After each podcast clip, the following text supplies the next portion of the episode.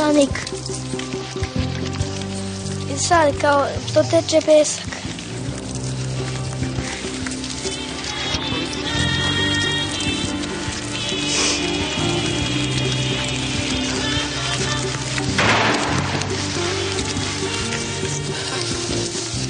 Živjet ćemo, radit će skoro robu.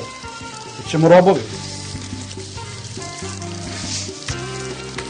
Nije to hak, to smo mi peščanik.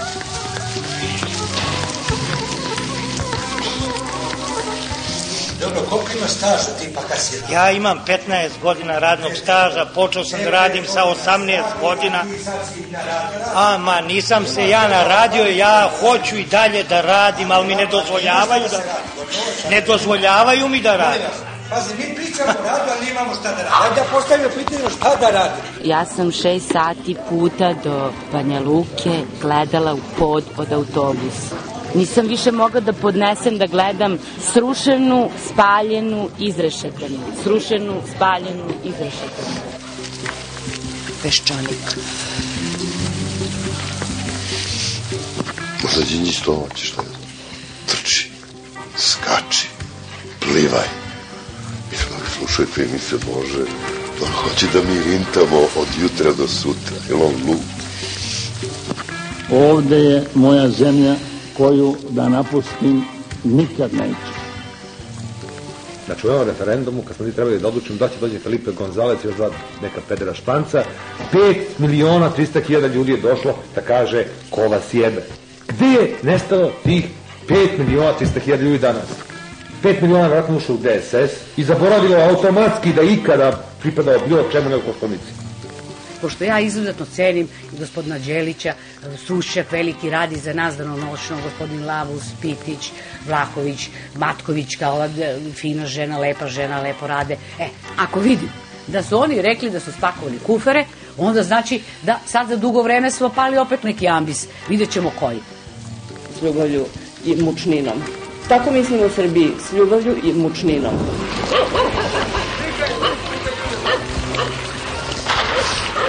Kad da ti braniš? Peščanik.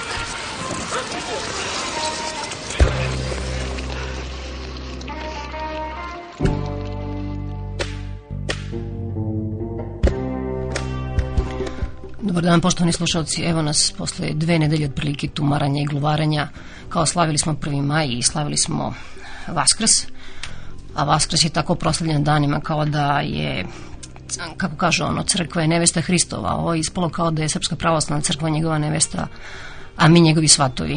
Uh, ovih dana nije moglo da se živi od uh, proslave Vaskrsa, tako da e, dolazile su nam i pretnje od, u samoj poslanici, a to je da mi nevernici, davljenici u boru, u moru besmisla, e, nećemo odjekivati u večnosti i nećemo da doživimo tu nezapamćenu sreću da zajedno sa svim ovima koji su nam ovih godina krojili kapu i baš bi bilo zgodno da makar nadjekujemo večnosti ako moramo u ovom vremenu. Samo da vas podsjetim, ako ste ošte pratili vesti, ja nisam nešto posebno, koštunicu jesam, promakao mi je tako, otprilike izgovorio je samo rečenicu čujte mi Jugoslaviju, odmah se vraćam. U stvari nije kao kraj Aleksandar, nego je nešto rekao nemojte da mi proćerdate državu. Batić, vidite, da je potpuno van sebe čovjek, vole bi da možda se klonira, više ne zna ni šta priča, ni gde ide. Uh, u ratu je za novu samostalnu Srbiju, ponekad se seti nekomu šapnjevalo da je i predsednik, uh, odnosno da je ministar pravde.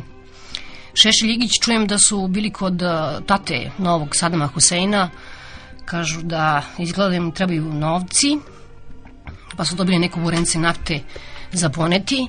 A, premijer nam je danas valjda u Italiji, tamo je sa Berlusconijem. Đelić je naravno objasnio što, što ne radimo svih ovih dana i ne znam ovi drugi gde su se da Aleksandar Popović sećate se onog malog ne znam odakle pao ali je rekao e vreme je da izađemo na izbore da se vidi ko je šta uradio a, za ovih koliko već 18 meseci baš bi bilo zgodno da vidimo šta je uradila demokratska stranka Srbije e, šta ima? Da, ne znam da li ste videli da je grupa od 50 oficira Vojske Jugoslavije posetila Svetu Goru takođe da je onaj episkop Vranjski Pahomije rekao da žene a, ne čine čedomorstvo, već da nerođeno decu, koliko nemaju a, kome da povere crkvi na brigu. Sećate se onog koraksove karikature kad sveštenici zuje po gradu goreći kolica sa bebama. A, teško da bi dete nekom dalo njih da, da ga čuva. I tako svašta je bilo. A mi ćemo u emisiji Malo smo zabrili danas sa, sa tajmingom, tako da nešto što smo najavili nećete čuti, uh, uh, ali eto, iduće nedelje. A za početak da vas podsjetim samo, uh, ovaj radio, o tome govorio i naša televizija, malo inače u javnosti, da se praktično sad u maju navršava 10 godina, 10 godina od, onog slavnog proterivanja Hrvata iz Hrtkovaca, pa onda su bili Srbislavci, koliko čujem ponovo se zove Hrtkovci, Prema podacima Fonda za komunitarno pravo i Centra za antiratnu akciju, broj katolika u Sremu je opao sa 37.500 na 22.500.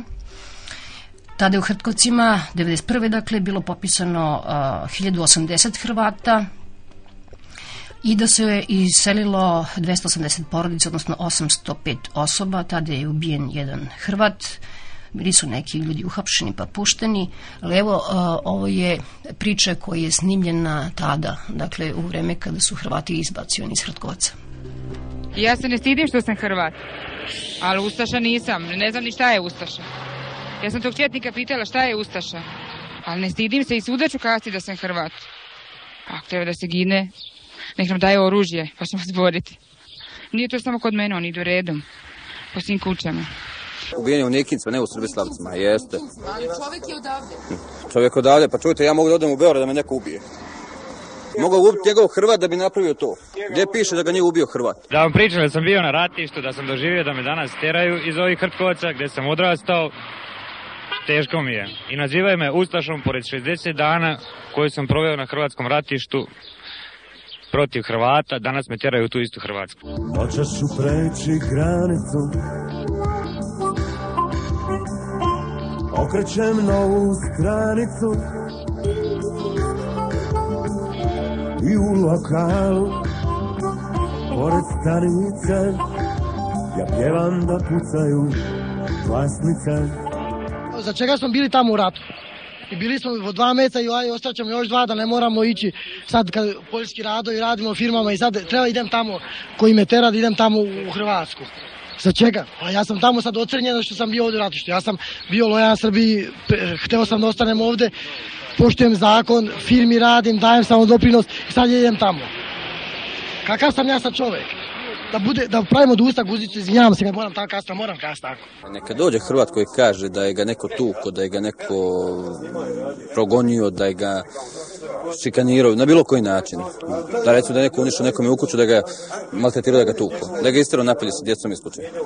Ajde, taj Hrvat koji je toliko poštenik dođe na kaže, pred ovim rudom pred ovim narodom ovde, što nas ima u Srbistovcima.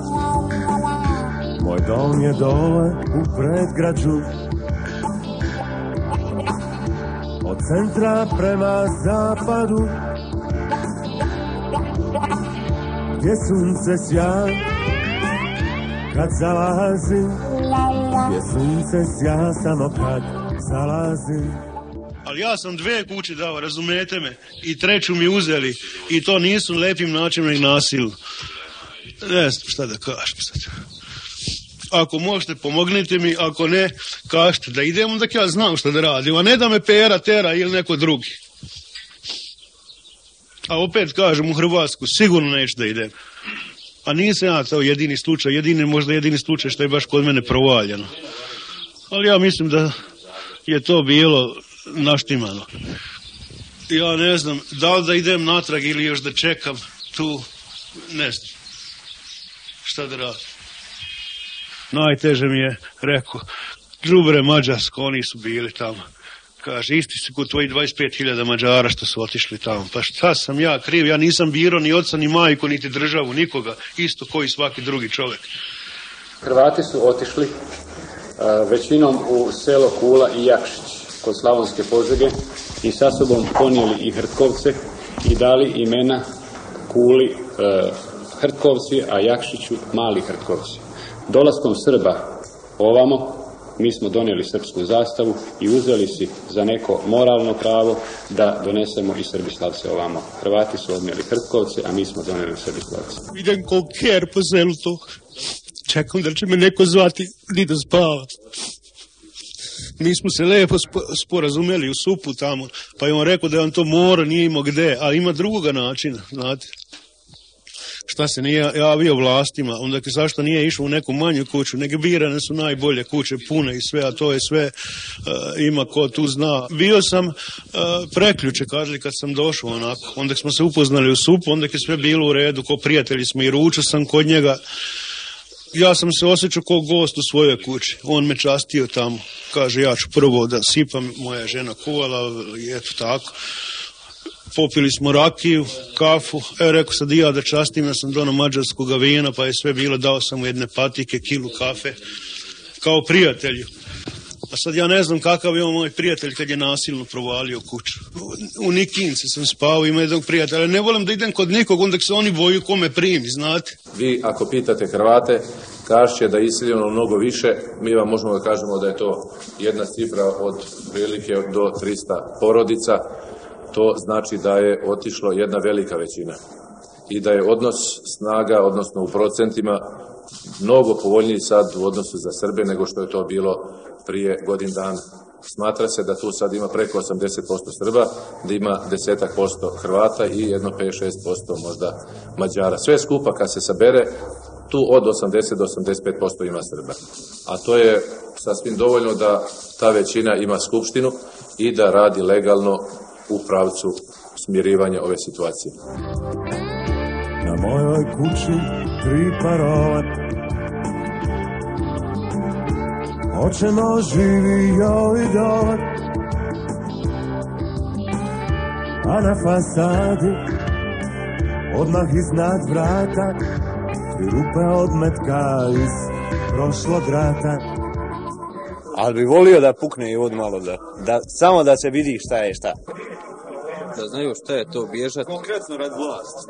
I da znaju šta je pravi vlast rat. koja sad vlada u Srbiji. Mi smo danas po ovlašćenju zbora mesne zajednice Srbislavci obavili razgovor u kabinetu predsjednika države Jugoslavije Dobrice Ćosića. Isti nas je pozdravio i odmah nas je prosledio do generalnog sekretara Miodraga Mitića koji je sa nama puna tri sata razgovarao o situaciji u Srbislavcima i na celom ovom terenu.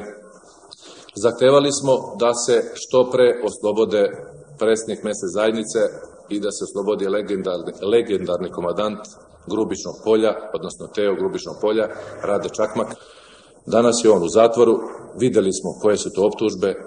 Optužba je da je imao oružje on, komadant, ima oružje. Bilo bi sramota da komadant nema oružja i bilo bi sramota da su kod komadanta pronašli klavijer, a da nije imao pištolj. Zamjerili smo našem ministru pravde Tiboru Varadiju, jer pazite, dolaskom na vlast Tibora Varadija u Hrtkovcima e, Mađari i Hrvati da ne kažem preskaču legalne izabrane organe Republike Srbije i odlaze direktno kod njega. Šta je vama bog tijelo, pa ne možemo mi protiv države Srbije da ratujemo. Ako smo vas podržavali da ratujete protiv Tuđmana, ne možemo sve protiv Srbije. Ne možemo zbog ostaje da uđemo u rat. Mi ćemo pomoći ostaje kao čovjeku, kao građaninu, kao prijatelju. Ali brale, ako si krivo ostaja, ako si šamaro, pa ti odgovaraj, ali pustite ga iz zatvora. A pa on izgleda bilo to pretrivanje. Bilo je tu svega. Da. da, bilo je tu svega. I oni kad su zaklali ono tamo, Oni su sjedili pokraj njega, mislili da su u Hrvatskoj i da su uradili prava stvar.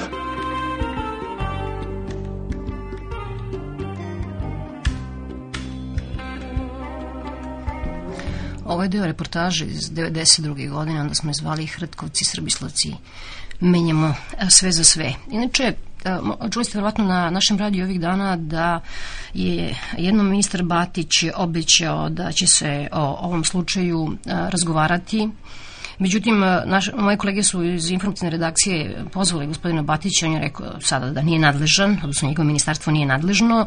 S ovaj slučaj već ministarstvo unutrašnjih poslova, znate, poznata vam je ova replika a, e, između ministra a, e, pravde, samostalnog Srbina Batića i ministra policije. Jedan drugi naš političar mlađan je rekao da je bio mali, da se ne seća i da ne zna šta je bilo u Hrtkacima pre 10 godina. A sada slušate e, naše gosta iz Hrvatske. E, nastala je zabuna, to je gospodin Bogdan Denić. E, on ima tri državljanstva, ima američko, ima hrvatsko i ima naše jugoslovensko.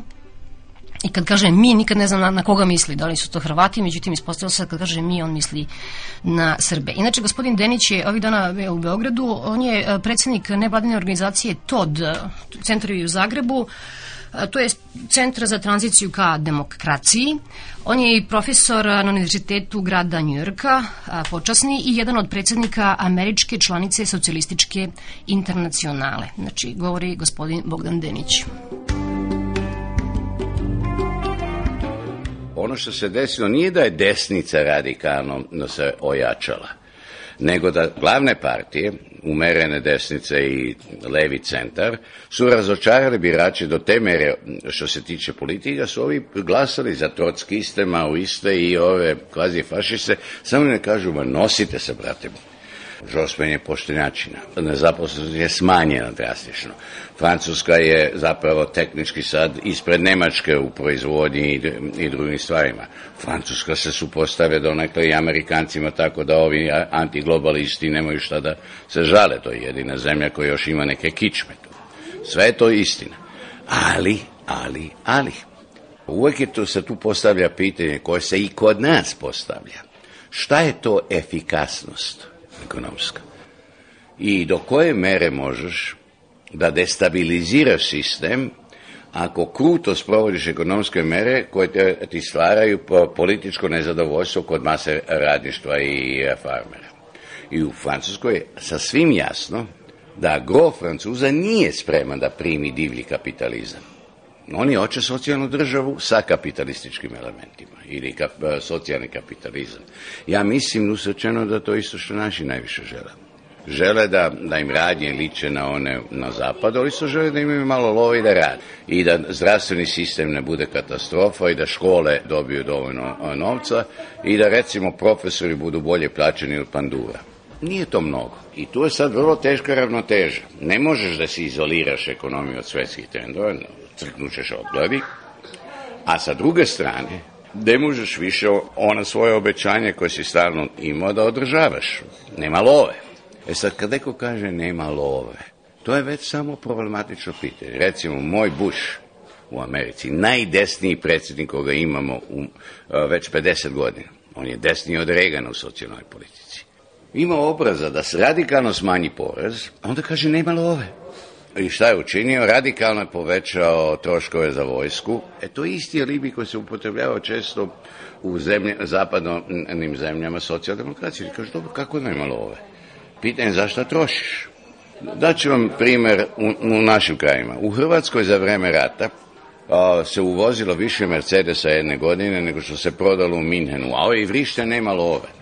I sad dođu neki od ovih donatora i kaže, ma čekajte ljudi, je vi imate ikakvu poresku strukturu koja ove nove bogatune oporezuje? Ne. A zašto očekujete da naši poreski obaveznici vas izdržavaju? Zbog čega? Ne možeš da tražiš od sirotinje i od radništva da žrtvuju za opšte dobro u zemljama gde ne stiskaš one koje mnogo zarađuju za opšte dobro ja mislim da će Đinđić i Račan da se suoče sa tim otporom radnika. Oni nisu protiv žrtvovanja, ali ne da se počne sa njima po Bogu. Ja kažem, kogod vozi Mercedes ili terensko vozilo u Beogradu ili Zagrebu, ako nema bogatog rođaka u inostranstvu kome to posao, treba da ide u čuzu. Pošto nema načina to pošteno zaraditi. Sve to, po mom mišljenju, treba pohvatati. A onda se okreni radiš i kaže, znate šta, e, u teškoj su situaciji, treba dve, tri, četiri, pet godine stiskat kajš da bi e, se izvukli iz onoga gde ste vi kao glasači nas gurnuli. Nije slobodan pao sa Marsa, niti je Franjo Tuđman na silu preuzao vlast. To ljudi vole da zaborave. I to se vidi sa svim sondažama javnog menja niti u Hrvatskoj, niti u Srbiji nije neka katarza prošla. Ljudi kao, čekajte, a man ljudi šta smo radili deset godina. Šta nam bi? Mene pitaju moji dalji rođaci i prijatelji ovde, pa zašto su nas bombardovali? Ja kažem, si čuo reč Srebrnica, si čuo reč Vukovar, si čuo reč Dubrovnik. To sve prethodi Kosovu. Neko je tu pucao, neko je plaćao za tu municiju. Do dan danas uh, vojska u Republike Srpskoj plaća na iz Ne možete vi da se pravite ratošetu. E, Kao Hrvatska izglasa u Saboru, molim lepo, da ona nije ratovala u Bosni. A št, ogromna demonstracija ispred Sabora veterana iz Bosanskog rata zato što se njima ne plaćaju naknade, zato što Hrvatska, eto, nije ratovala u Bosni. Ne mogu svi biti žrtve. Nismo mi žrtve, mi smo, mi smo odgovorni za svoju sudbinu.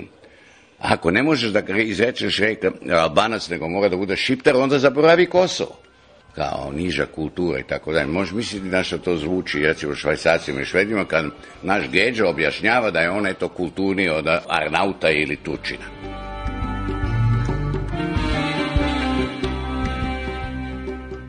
stalno govori treba nam zbog para, ne smemo da uđemo ponovo. Prvo to nije istina, treba nam, treba nam zbog časti. A bilo bi vrlo dobro da je jedno stotinak ljudi već osuđeno u Srbiji. E, isto i u Hrvatskoj. Mislim, Hrvatska vrišti da joj traže, čekaj, što vi niste sudili te ljude? Kako to da jedini koga ste predali vrlo rado je bio jedini albanac general u, u vašoj vojsci? A nije to problem. Ono što Kostunica kao pravnik ne razume, glup je ko top oko toga pitanja, komadna odgovornost je već u Nirnberškom procesu ustanovljena. Ljudi koji nisu pipnuli jevreja su na, sud, na smrto suđeni zbog genocida recimo urednik ovih najgorih fašističkih novina u Nemačkoj je na smrt osuđen. Ja verujem da Hitler, eh, koji je vegetarijanac i nije pušač, nije nikog pipnuo. Šta to znači? Da treba sad sudski dokazati da je on ubio neko dete, kad je odgovoran za smrt 15 miliona ljudi najmanje. Sad se stvara novi međunarodni zakon koji u korist nas malih država da ne mogu vlade raditi šta god hoće svom stanovniku, da suverenitet nije nikakav, nikakav alibi protiv zločina i genocida i ja mislim da da je vrlo dobro da se sad stvara međunarodni sud koji će biti stalni. Mene je sramota kao američko državljeno, što sam takođe, da Amerika odbija da se podbija. Dobro odbija. To ne znači da mi treba da, da to odbijamo ipak je malo razlika u, u, u stupnju moći i to opet ovi političari nikako da pomenu. Ne može mala buranija da traži da se ista merila upotrebljavaju prema njoj kao prema jednoj Kini, e, Rusiji i Americi. To neće biti, mi ne živimo u raju nego na zemlji. Ali činjenica je da nas neće da spase donatorska plova ukoliko mi radikalno ne promenimo društvo. Šta ćemo mi sad ovo, ako gangstri produže žive ovako kako žive ovde da slobodi? Ako možeš da čopiš svakog biznismena u, u Beogradu i da ga držiš kidnapanoga, a policija to Bože ne može ništa tu da učini, a znaju ko su ljudi, vide ih u kafanama sa telohraniteljima. Tu uopšte kako je to društvo koje dozvoljava telohranitelje? Ja da sam neki političar u Srbiji, prvo bi tražio da se pohapse svi telohranitelji. Odmah. Da mi se oduzme oružje i se kaže ne može se s tim baviti. To je posao za jednu normalnu policiju. Meni se kosa da glavi diže kad idem u bolju kafanu u Beogradu. Ja vidim face koje pa pripadaju iza rešetke uglavnom na solovima oko mene. A isti je slučaj, samo malo manje u Hrvatskoj. U Hrvatskoj postoje druge, drugi problemi. Oni su pravno, ja mislim, malo pažljivije osigurali budućnost ovih ukradenih privatiziranih fabrika, što nije manji zločin, ali je pažljivije učinjen i manje nasilja direktnog, sem protiv srpske manjine, koja je takođe manji, pošto je manje Srba. A vidite, recimo, uzmite jedan primer eh, kakva smo mi društvo i zašto je teško ovde dobiti prave novce, mislim, privatne investicije, pošto državna pomoć nas ne može izvući iz U Hrvatskoj je izvršen popis stanovništva. To se krije ko zmija nogu. Ne možeš da dođeš do podataka. Prvo, u Hrvatskoj nas, na svačije iznadženje puno manje Hrvata nego što su mislili, a isto malo puno više Srba. I sad niko neće da objavi to. e sad, ovi kažu, ako najelementarnije podatke ova vlada nije spremna da objavi, kako možeš da veruješ ikakvom podatku koji dolazi od ove vlade? Pošto jedna stvar što je ova pomoć je transparentnost. Pa ne, ne, mi neko kaže da su transparentni novci oko Đinđićeve stranke za koju bi ja odmah glasao opet u izborima, uh, ako je alternativa ono što je bilo pre. Ali molim lepo, ja gledam te face i kažem, pa po, po Bogu, stara komunjarska politokracija je bila bolja. Kad gledate diplomate koje su oni imali, gledajte jednog Tepavca, Koću Popovića, Latinku Perovićka političara, koliko god to bio autoritarni jednopartijski sistem koji je trebalo menjati i radikalno demokratizirati, izvinite, to je bila neka vrsta pristojne države. Ona nije bila ruglo, ne samo to, to je bila država koja je bila nezavisnija od svih ovih koji su izašli iz nje.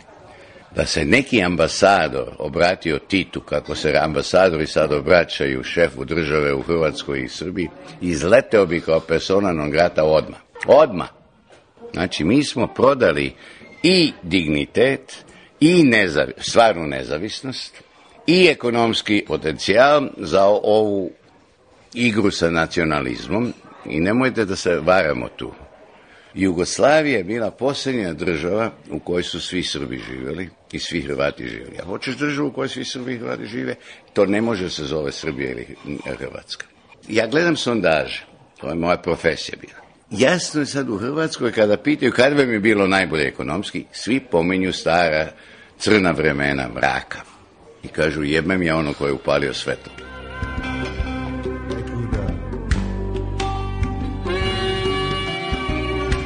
Deset dana ne rada u Srbiji.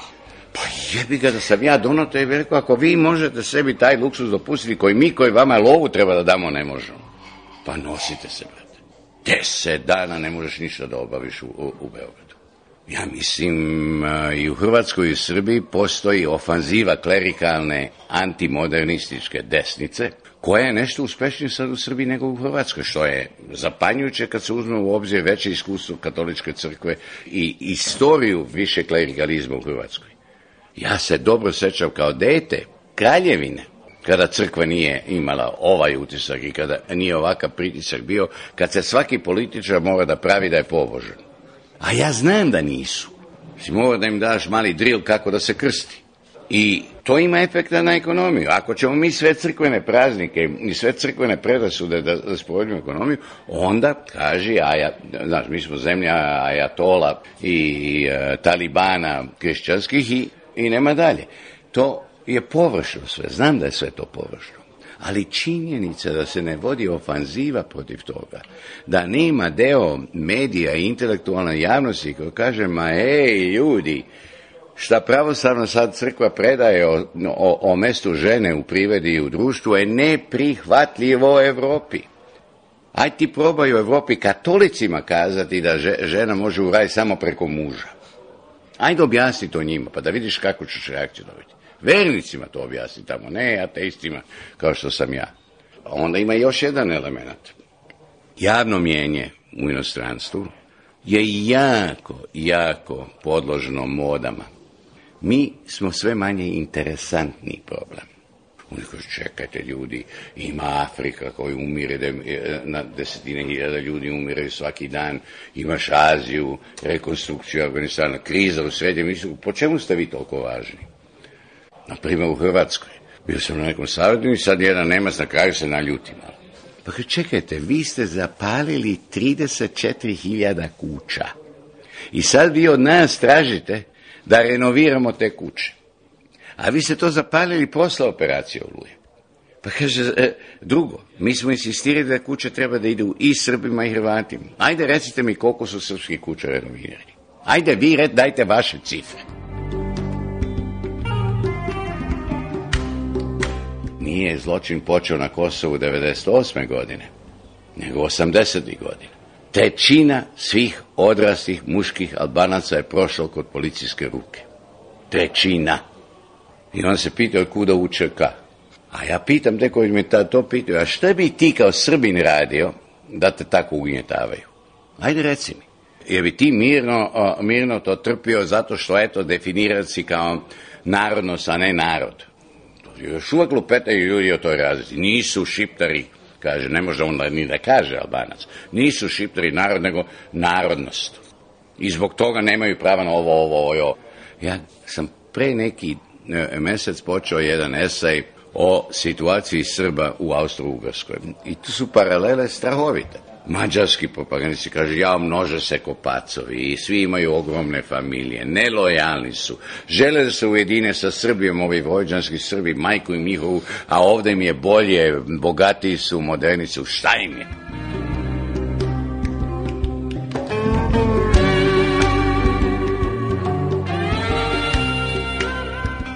U Hrvatskoj Račanova vlada dozvoljava da sud kažnjava jedan feral tribun za klevetu zato što je napao čoveka koji brani Ustaše da brani fašiste, pošto sud kaže nije jasno su Ustaše bili fašisti. I to je kleveta.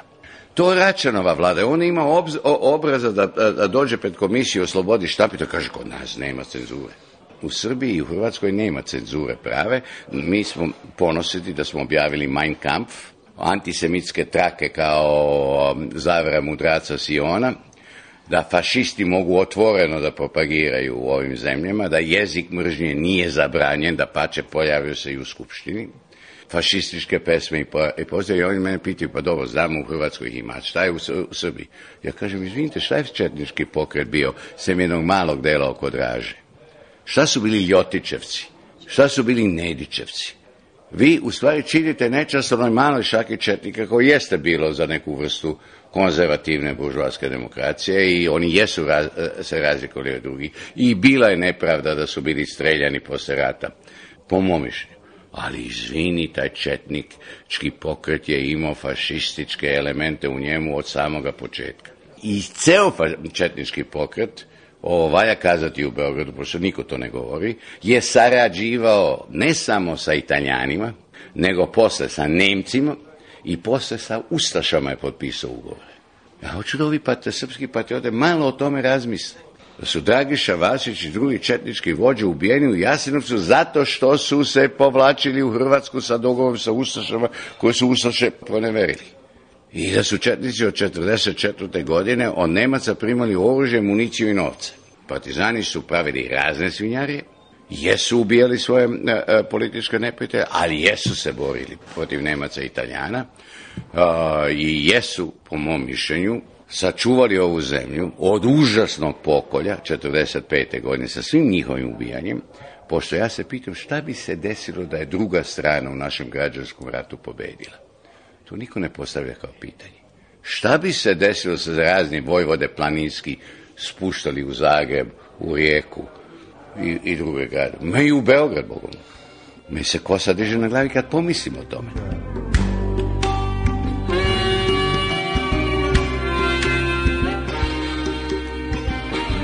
Ja, izvinite, sam bio uvek i upotrebljavao sam taj rečnik za denacifikaciju Srbije i Hrvatske. Denacifikacija lepo znači da ljudi koji su na mržnju i na klanje vodili ove klince koji su vođeni tamo, treba isterati iz politike i iz medija.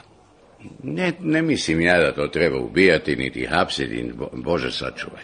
Ali jednostavno kazati, kao što se reklo, nedovoljno često u Nemačkoj, ti više ne možeš se baviš sudstvom, niti policijom, niti politikom.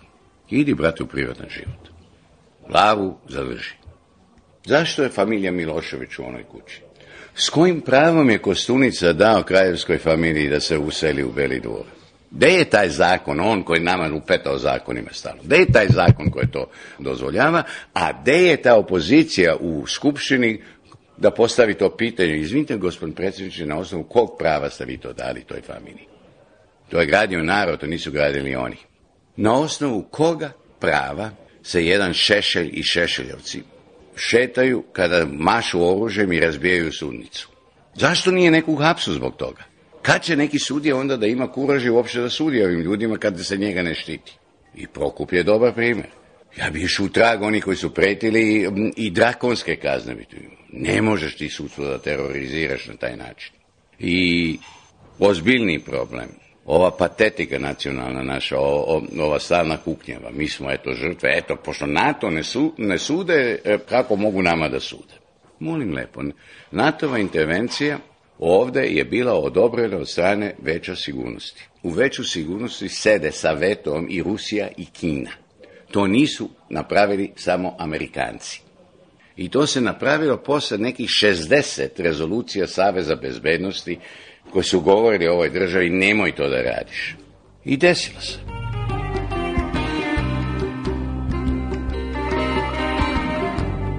Ja sam protiv referenduma kao forme odlučivanja zbog istog razloga što je Marks bio protiv toga kad je Louis Napoleon um, dobio referendum. Naš, uh, Jebaševa. Pazi, u Hrvatskoj referendum oko, uh, sa kojim se oni diče uopšte nije imao reč odvajanje od cepljenja od Jugoslavije. Referendum je bio da li ste vi da naša vlada u Zagrebu popravi odnose sa Beogradom i metne ih na neku zdraviju osnovu. Ja, jesam, ba, majke mi jesam. A da se to postavio malo drugčije. Da li ste vi da se da Hrvatska ocepi po cenu građanskog rata da će da pogine e, desetine hiljada ljudi i da će trećina Hrvatske biti okupirana četiri duge godine, ajde da vidimo koliko bi glasalo za to. Za mene odma do ovih profesora, kolega koji su nacionalizam gajili i to kao hrabri gest protiv komunizma. To je tako počelo. Su ove medije. Ja se vrlo dobro sećam. E, nekonvencionalni novinari, ne baš e, divljaci, kasnih 80. godine sa velikom zlu različu bi uvek ukazivali na svaki međunacionalni e, incident. Evo vidiš, nema braca Ivica, nema, nema, nema. Sad kako će, šta vi ljudi hoćete? Da se pokoljemo ko zvinje. Nisu oni to hteli. Samo da ih malo dovedemo u redu. Ti ćeš Albance sad dovesti u red. Da te vole.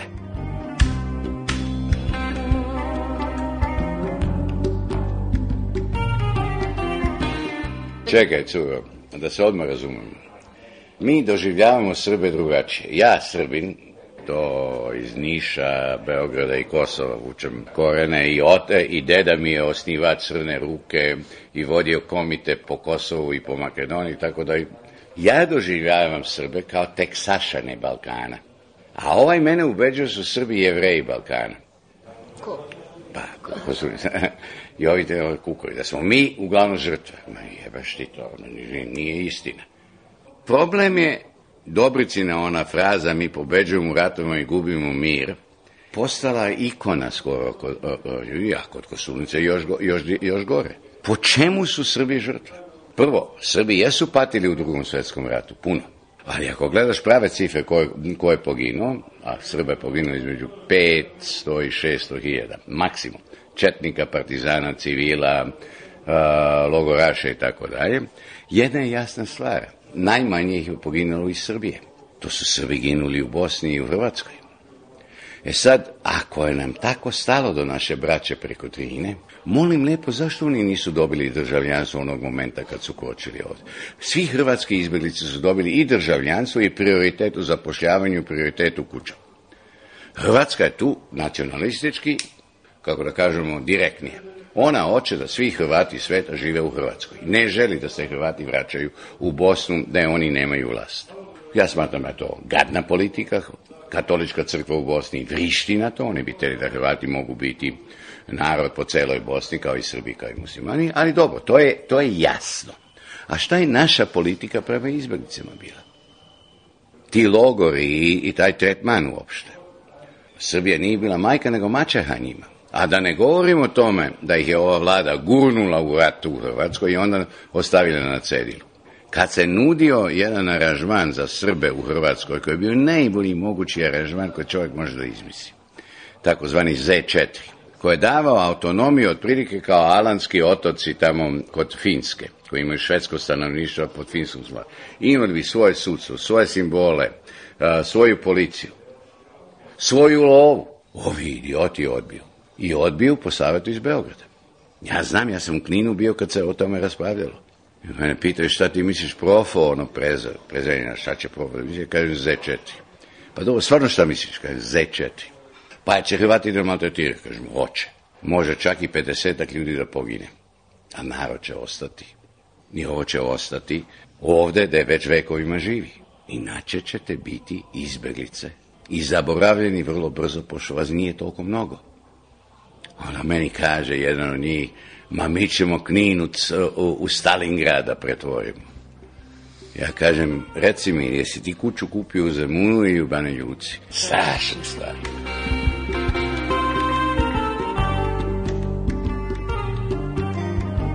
Ono što najviše fali u Srbiji je odgovornost. Nemojte zaboraviti da smo mi bacali cveće na tenkove koji su išli na Vukovar.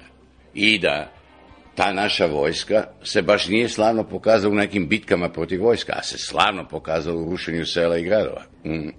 Na daljini. To su kukavički ratovi bili vođeni. Ja ne znam zašto, eh, kako smo mogli da imamo oficire da se jedan nije ubio kad su pobili one eh, ranjenike u bolnici Vukovarskoj. Od samote. A ja jesam bio u ratu, jesam bio onom starijem. I ja vrlo dobro znam šta bi se meni desilo kao potporučnik da sam ja da, a, e, e, dozvolio da se ubije zarobljenik ili civil na frontu u Italiji. Zavisno. Kad su se zarobljenici tretirali kako treba od strane hrvatskih vlasti, recimo prvi šest meseci, oni su se predavali. Kad si počeo da kopaš oči i da mučiš, onda su ljudi tu tukli do posljednjih. Onda, ja ne znam Da, jel stvarno istina, i se meni tako čini, da pola Srbije ne zna šta je bilo u Srebrenici. Najveći pokolj posle drugog svetskog rata razoruženih zarobljenika. Pa ajde uzmi nižu cifru, samo 5000 ljudi, a bilo je 8, po mom mišljenju. Strava, od sramote, mislim, su tu trebali ljudi da traže suđenje i kažnjavanje svi koji su bili u vezi, a zna se da su bili u vezi sa Beogradom. Holandska vlada daje ostavku. Oni lično nisu ubili jednog čoveka. Oni daju ostavku zato što nisu prevideli da će se to desiti. A ove naše novine to tretiraju kao doka, alibi za nas. Kaže, vidiš, očito da mi nismo krivi, holandezi su dali ostavku. Ne, nego mi nemamo obraza dovoljno da, da, da tražimo ostavke. Ja da sam kostunica, ne daj Bože, ali da, da, ja bi svakog generala koja je ikakvu najtanju vezu imao sa tim, Ja bih tražio pismenu ostavku odmah i terao u penziju. Pošto nema opravdanja to, to nije nikakva odbrana srpskog naroda i srpskih interesa. To je Srbe pretvorilo u narod koji Evropa mrzi. I sad će ovi, e, sa ovim komplikovanim advokatskim rajem u Hagu, kažu, pa nije sloboda nama baš nijedno e, gubio, a nije ni dao direktnu naredbu. A nije ni znao. Vraga nije znao. Nije mogao ne znati. Naši istoveče šalju četiri projekta u Evropu ove godine. Na rezenciju, da bi dobili novce od eh, Pakta za stabilnost. Nemci odbiju da recenziraju uopšte. Taljani recenziraju na Bolonji i kažu to je katastrofalno, to je nestručno, to je nacionalistički. Bilo bi katastrofa da se to objavi.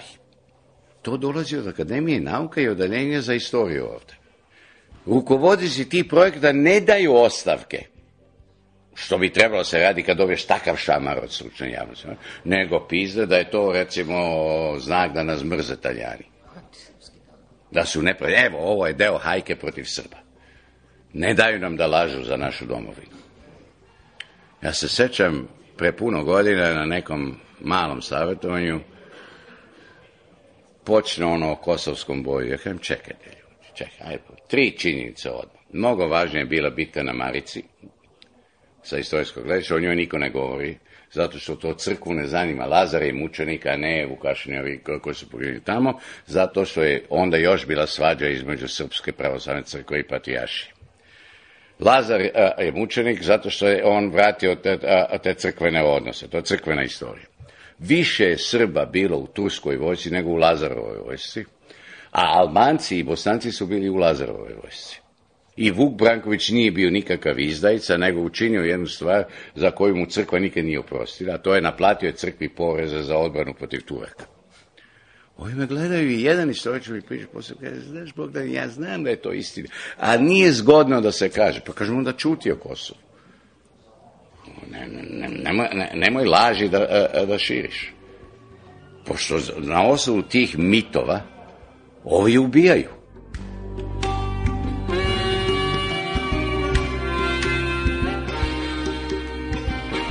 Peščanik Bio je gospodin Bogdan Denić, a sada slušate uh, gospodina Mirka Đorđevića, on je redovni sagovornik emisije Peščanik. Evo, povodi su naravno ovi uskršnji praznici, uskršnja poslanica ali neke druge teme. Gospodin Đorđević, da vas podsjetim, inače po profesiji uh, profesor književnosti i prevodilac prevodi sa francuskog, uh, italijanskog. Ne znam ako čitate Republiku, preveo onaj uh, eh, nevjerovatan dijalog između kardinala Martinija i Umberta Eka. Prevodi sa ruskog, Dostojevskog, Berđeva, Šestova i upravo izašlo pet knjiga Lava Šestova u prevodu gospodina Mirka Đorđevića. Ali je najpre kako je on razumeo ovogodišnju uskršnju poslanicu. Čitaj prvi deo poslanice Patriarha Pavla godište za ovaj uskrs, intoniran je strikto teološki i baziran na dogmi vaskrsenja. Zabuna je totalna, već su ve pitali, pa kako to čovek umro, pa se posle poslije vreme iz groba vratio kući došao. Iz poslanice se stiče takav utisak. Međutim, radi se o jednoj ideji, platonovskoj ideji, koja kao i svaka ideja ima svoju energiju, ljudi je prihvataju ili ne prihvataju. I ljudi su tu energiju ideje, koju, setite se, Platon kako objašnjava slikama i svojim u pećini, pretvorili u energiju ljudske nade. I vaskrsenje ima samo smisla, kao ljudska nada da sve nije konačno, da sve ima neki viši smisla. Ispada po ovome, jučer me zovu neki ljudi, i neka gospodja, po ovome ispada ovo je 100%, ja ću se vratiti iz groba. Sad delo je kako ja njoj da objašnjavam. Reći je dog, čovjek ima pravo na tu nadu. Ne znači to da je pojava skrsenja moguće empirijski da se misli. Na kraju krajeva, i svedočanstvo Hristova vaskrsenja u evanđelju ispričano vrlo zagonetno. Pogledajte Rembrandtove putnike za Emaus, Emausom, čuvenu sliku. Sve će vam biti jasno. Oni su bili na Golgoti. I e, pogubili su ga Rimljani. Čovjek je sahranjen Isus. Ali njima nikako nije išlo u glavu i počeli su da buncaju kako je to moguće da ovakvog čovjeka za koga i Pilat rekao da, da nema krivice na njemu, koji propoveda ovakve stvari, i oni putuju ono se oce na 12 km. I stiže ih neki čovjek. Stiže ih sumrake već. Ali osjećaju da im u ušima zvoni, da srce kuca. Gori u njima bukvalno. I onda im on kaže, ne bojte se, to sam ja. I dalje se ništa ne događa, prelomili su hleba. Tako je vaskrsenje prikazano. Razumete? To je ta ideja. Mislim, kad vi ovako nekom kažete, zato se ne brini, ti samo umri, vratit ćeš se ovih dana, stvar se banalizuje. Tako. To je veliko zlo, da. Ono što je mene zabrinulo i što me trajno brine je taj stav i odnos prema ratu, zločinu i zločincima. Na jednoj strani svesno, totalno ćutanje crkva tome, a drugoj strani potajno saučesništvo sa nekim zločiniteljima. Prirodno bi bilo da Srpska crkva službeno saopšti svoj stav prema Srebrenici, jer se radi o zločinu ogromnih razmera koji je dosad stručno ocenjen kao najveći zločin nakon drugog svetskog rata. Osim toga, određeni ljudi za koje se pretpostavlja da su činili zlo, imaju ne samo podršku duhovnu crkvu, nego nalaze utočište u crkvi. Mi još uvek u našoj crkvi nemamo snage da jednog vladiku pomerimo sa vršenja te funkcije. Neka mu hirotonija ostane i zvanje. Ali ja mislim ovde na Mileševskog vladiku koji, kao što znate, barata oružjem u ratu čije su izjave, ne samo političke veličanje Miloševića, mi mu to ne možemo zabraniti, ali čije su izjave bukvalno štetne po ugled zemlje a na kraju krajeva i njegovo veličanje Miloševića, Mladića i sličnih je s tačke gledišta crkvenog učenja težak greh koji se zove greh idolatrije. Činiti idole, graditi od nečega što idole može biti. Godinama se vrti u našoj svetskoj štampi da daju utočište fizičko Karadžiću, Mladiću, pa se to demantuje, pa se potvrdi. Uglavnom se oni skrivaju negde po manastiru. A decenijama smo mi pričali kako je veliki greh katoličke crkve, jeste greh, što je skrivala ustaške glavešine i nekima pomogla da se prebace u Španiju ili gde u Latinsku Ameriku. Sad mi to isto činimo. Sada je taj izabrani predsjednik Kosova da Gest i posetio je Pećku patrijaršiju. I tamo je primio. Pogledajte sada reagovanje. Sad mu se prigovara da on to folira, da je to marketing. Već se ide krivim putem. Ja ništa ne znam o tom gospodinu predsedniku Kosova, ali on je tamo nekakav predsednik vlade, Ređepi.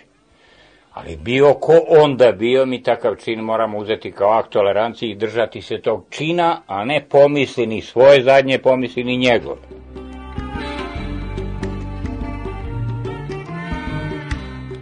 Naša epska tradicija, gusla, vekovima, agitprop, latini su stare varalice. Mi smo stalno to gudili, pet vekova latini su stare varalice. Kao da mi nismo nekog varali, nekom podvalili. Praktično danas između pravoslavih i katolika nema nikakve razlike osim nekih dogmatskih sitnica koje će vrlo brzo biti usaglašene. Sporno je što je podignut zid između svetova, i što su crkve jedna i druga vremenom načinila greh, pa su taj zid podigle do neba.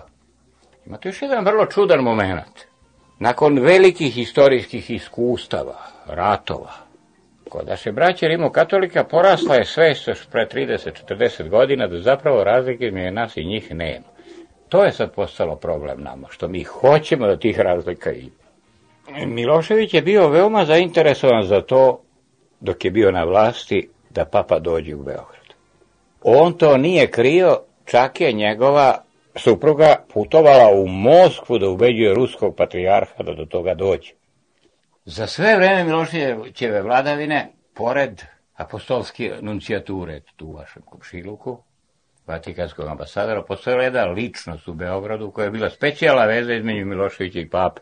Sve vreme je njemu bilo stalo. Zašto je Miloševiću bilo stalo, to je teško odunetnuti nije on bi time na neki način dobio legitimitet za ono što radi. Da nevolja bude veća, papa kome je stalo da poseti Srbiju, nije hitao da dođe, jer ima jedan veoma jak razlog, on ne može da poseti ni jednu zemlju u kojoj za to nema pristanak većinske crkve pravoslavne, a nije ga imao. U crkvi našoj postoji jedna rigorozna struja, fundamentalistička, srećom malobrojna. To su malobrojne skupine Ima ih u našem monaštvu, ima ih od Svete Gore pa do zemlje, čiji se stav svodi na sledeće. Svako opštine sa katolicima je nedopustio. nedopustivo. Svako. Smatra se grehom. Jedan je čak u Beogradu izlazi jedno njihovo glasilo, zove se Zbilja, jedan je čak tvrdio tu u tom glasilu da čak i papa da primi pravoslavlje neće ga prihvatiti. Javno se u crkvi svake godine vrši pomen Ljotiću i Nediću. Postavlja se pitanje imaju li oni pravo na to. Imaju ako je to zahtev njihove porodice, ako je to privatni čin. Međutim, kad se to radi kao javni čin, onda je to davanje legitimiteta jednoj istorijskoj ličnosti koja je obremenjena grehom saradnje sa fašizmom, sa zločinom. Pogledajmo elementare stvari. Ljotić je po ubeđenju bio fašist. Velmar Janković je to bio. Nedit nije lično bio ima jednu drugačiju nacionalnu viziju toga, ali je služio Hitleru. Ako sada mi damo bulevar Ljotiću i Nediću u Beogradu, šta ćemo raditi sa ljudima koji su bili antifašisti? Tu je uloga crkve isto veoma problematična i spora, da raščistimo. Pravo na pomen ima svako, ali kad se pomen vrši kao javni čin, on postane javni politički čin sa takvim učinkom da je to u nebo vapijuće što se događa kod nas. Pogledajmo sada ovo najnovije, reč o zvaničnom stavu Beogradske vlade koja ima komisiju i na čelu komisije Svetlana Velmarijanković koja treba da vrši to novo imenovanje krštavanje Beogradskih ulica. Ovde se radi o tome što se nekim ličnostima koje su bile kolaboracionisti, fašisti, saradnici okupatora, nudi posmrtna počast koja im to ne pripada. Mi možemo biti antikomunisti po ubeđenju, ali ne možemo sporiti činjenicu za vreme drugog svjetskog rata komunisti bili na strani velike Rusije i zapadnih demokratija u borbi protiv fašizma i da su bili antifašisti. Prošao sam Francusku uzduž i popreko, nigdje nisam vidio bulevar maršala Petena. Kad je reč o pomenima, najčešće ćete videti evo u posljednje vreme da se vrše javni pomeni kao javni čin žrtvama savezničkog bombardovanja iz 1944. godine, kad su saveznici bombardovali Beograd i drugi gradove na kontinentu u borbi protiv Hitlera, pa je bilo 1100, već ne znam koliko žrtava. Pa se govori kako je ti ljudi žrtve zapada, zapadnog bombardovanja, pa se to bombardovanje direktno povezuje sa bombardovanjem od strane NATO pakta protiv Miloševića 99. godine zašto se onda ne bi vršili pomeni i žrtvama Hitlerovo bombardovanje 1941. godine, što bi isto tako bilo logično, ili pomeni žrtva, žrtvama Nedićevog terora, kad se zna da je samo na sajmištu i na banjici ubijeno više od 10.000 ljudi. Dakle, ako crkva tako određuje žrtve kojima treba da čini pomen, ona je, po mom dubokom uverenju, u raljama jedne loše politike.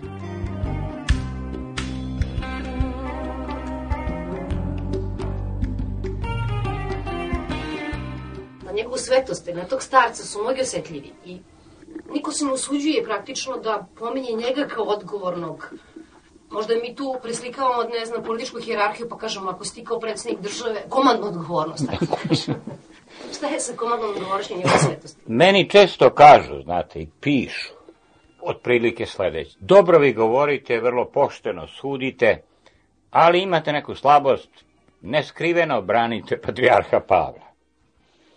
Ja sad ovog prigovora u potpunosti ne branim. Zato imam sledeće razloge, vi ih možete uvažiti ili ne uvažiti. Hoću, da čekam. Nesumnjiva je ta komandna odgovornost. Zašto se bojati tog izraza? Međutim, u pravoslavlju, kao što znate, patrijarsi su prvi po časti, ali ne po vlasti, primus, inter pares i tako dalje. I drugo, pravoslavne su eparhije i jerarsi u njima vladike službeno autonomne po kanonima, patrijar srpski, ovaj sadašnji, Pavle, ako hoće da poseti eparhiju Bačku, mora da traži dozvolu od nadležnog jerara. Osim toga, u toku ovog rata, patrijar Pavle je pokazao poredni za slabosti. Morao je biti oprezniji kod poseta Karadžiću, Rovuja vojnika, Mladiću, da vidi o kome i o čemu se radi. Vidimo Arkana. Tako je da vam ne mora, od Arkana se on ogradio, on lično drugi nisu. Međutim, patrijarh Pavle u toku ovoga rata stajao i negde na sredini držao jednu vrstu vrlo važne ravnoteže u nemirnim vremenima. Da je to tako, ja ću vas podsjetiti na jedan primer koji nije jednostavan primer iz istorije naše crkve, koji dramatičan primer. U oči odlaska u Dayton, Milošević odlazi. Miloševiću i njegove oligarhije bilo stalo ni manje ni više, ako se sećate, da izdejstuju da im patrijarh potpiše pravo Miloševića zastupa sve Srbe. I on je to pristao. Na kraju se pobuni osam vladika, on je potpis morao da vrati, da povuče na ponižavajući način, bio je ponižen. Evo sad malo i da ga branim. On je u dva maha ponovio svoju izjavu, ja neću, ne veliku, nego ni najmenju Srbiju, po cenu zločina. Ali s druge strane možemo na tas, ako već da dajemo pravo da mu sudimo tako, a ne sudimo mu, razgovaramo o njemu, On nije progovorio ni o Srebrenici, ni o Vukovaru, a trebalo je da progovori. Izgleda, ja tako tumačim i čini mi se da je to ipak vrlina jedna, da on drži neku ravnotežu. I dobro znate da u toku rata postojalo jedno vrlo militantno krilo u episkopatu, Karadžićevsko-Mladićevsko krilo, koje se sukobilo sa Miloševićem otvoreno, Ne zato što on vodio rato, nego što dalje nije hteo da ratuje. Oni su hteli male i dalje onda ratu. Sjetite se one u domu omladina Tanasija Jeftić i ono. Zaumna beseda da je lišena svakoga smisla. Vi imate u Cetinskoj mitropoliji kod mitropolita Amfilohija Arkanovce sa oružjem u crkvi. Arkanove ljude. To nije nikakva tajna. Dakle, bilo je takvi zastranjivanje i možda je i neko bio potreban ko bi malo, malo u tim nemirnim vremenima kakvu takvu ravnotežu uspostavljao, ne zaboravite da je nacionalistička plima, populistička je bila prejaka, da nas je bilo šaka ljudi koji su suđivali nešto da govore, da kažu nešto razumnije i da nam se lako odgovaralo da smo mi ne samo izdajnici, nego ljudi koji su sumanuti. I ja mislim da naša crkva koja je igde zatajila, ona je zatajila u tome što se nije našao ni jedan vladika koji bi otvoreno smogao hrabrosti da ukaže na neke od tih stvari, nego se ćutao. Mnogo je veći greh u tom ćutanju.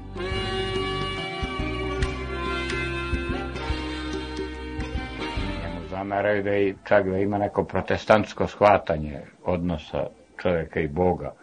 Patrijarh često govori, budimo ljudi, Bog nas gleda pustite sve ostalo, važno je čovjekov odnos prema Bogu, ta norma prema dobru, prema zlu, a vi znate da je to protestantski stav, da crkva nije važna, protestanti nemaju crkvu, to je kod njih zbornica, učionica.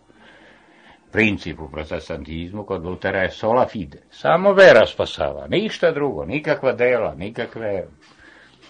To je taj direktan odnos čoveka i Boga, da tako kažemo, to je protestantski stav dok kod katolike nas pravoslavnih crkva je zastupnica. Mi preko crkve opštimo.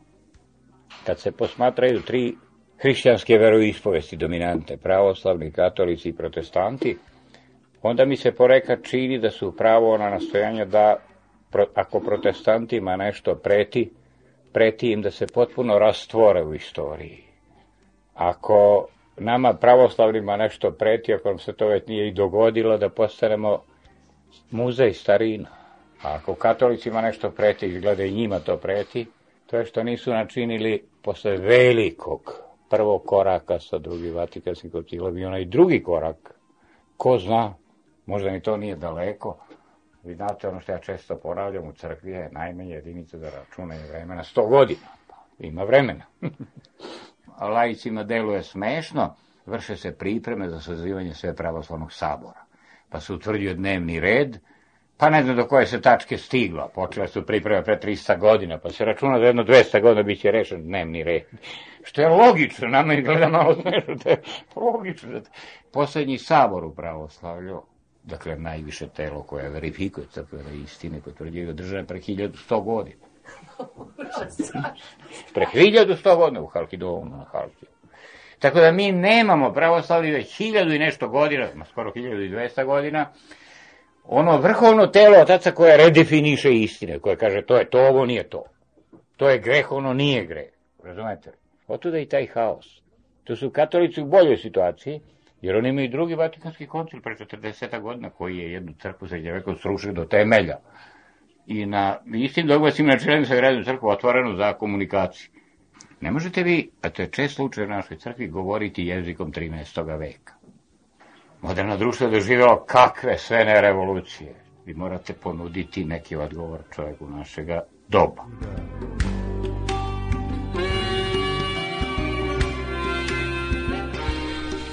Bio je gospodin Mirko Đorđević, ne znam da li je slučajnost, ali posle ovog razgovora kad smo govarali a, patrijarha njegovu svetost patrijarha srpskog gospodina Pavla, prvi put e, praktično za ovih 12 godina smo ga videli odmah na ulici e, onda kod glavne pošte.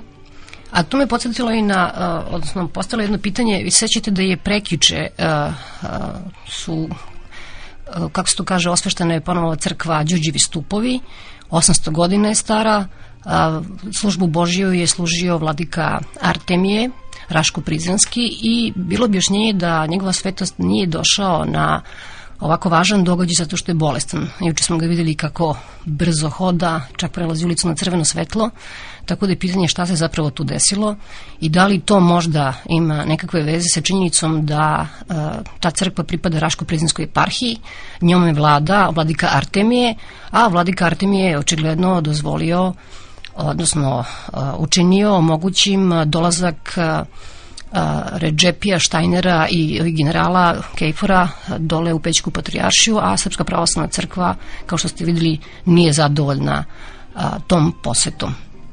Ovo može biti samo jedna pretpostavka, tek patrijarhije pa, dobrog zdravlja, to smo mogli juče da se uverimo i teško da je to objašnjenje zbog čega nije bio juče im stupovima prekjuče. Ovo je bila emisija Peščanik, realizacija Ratko Ristić, montaža Boža Podunavac, emisiju pripremila Svetlana Vuković i Svetlana Lukić. Prijetan dan.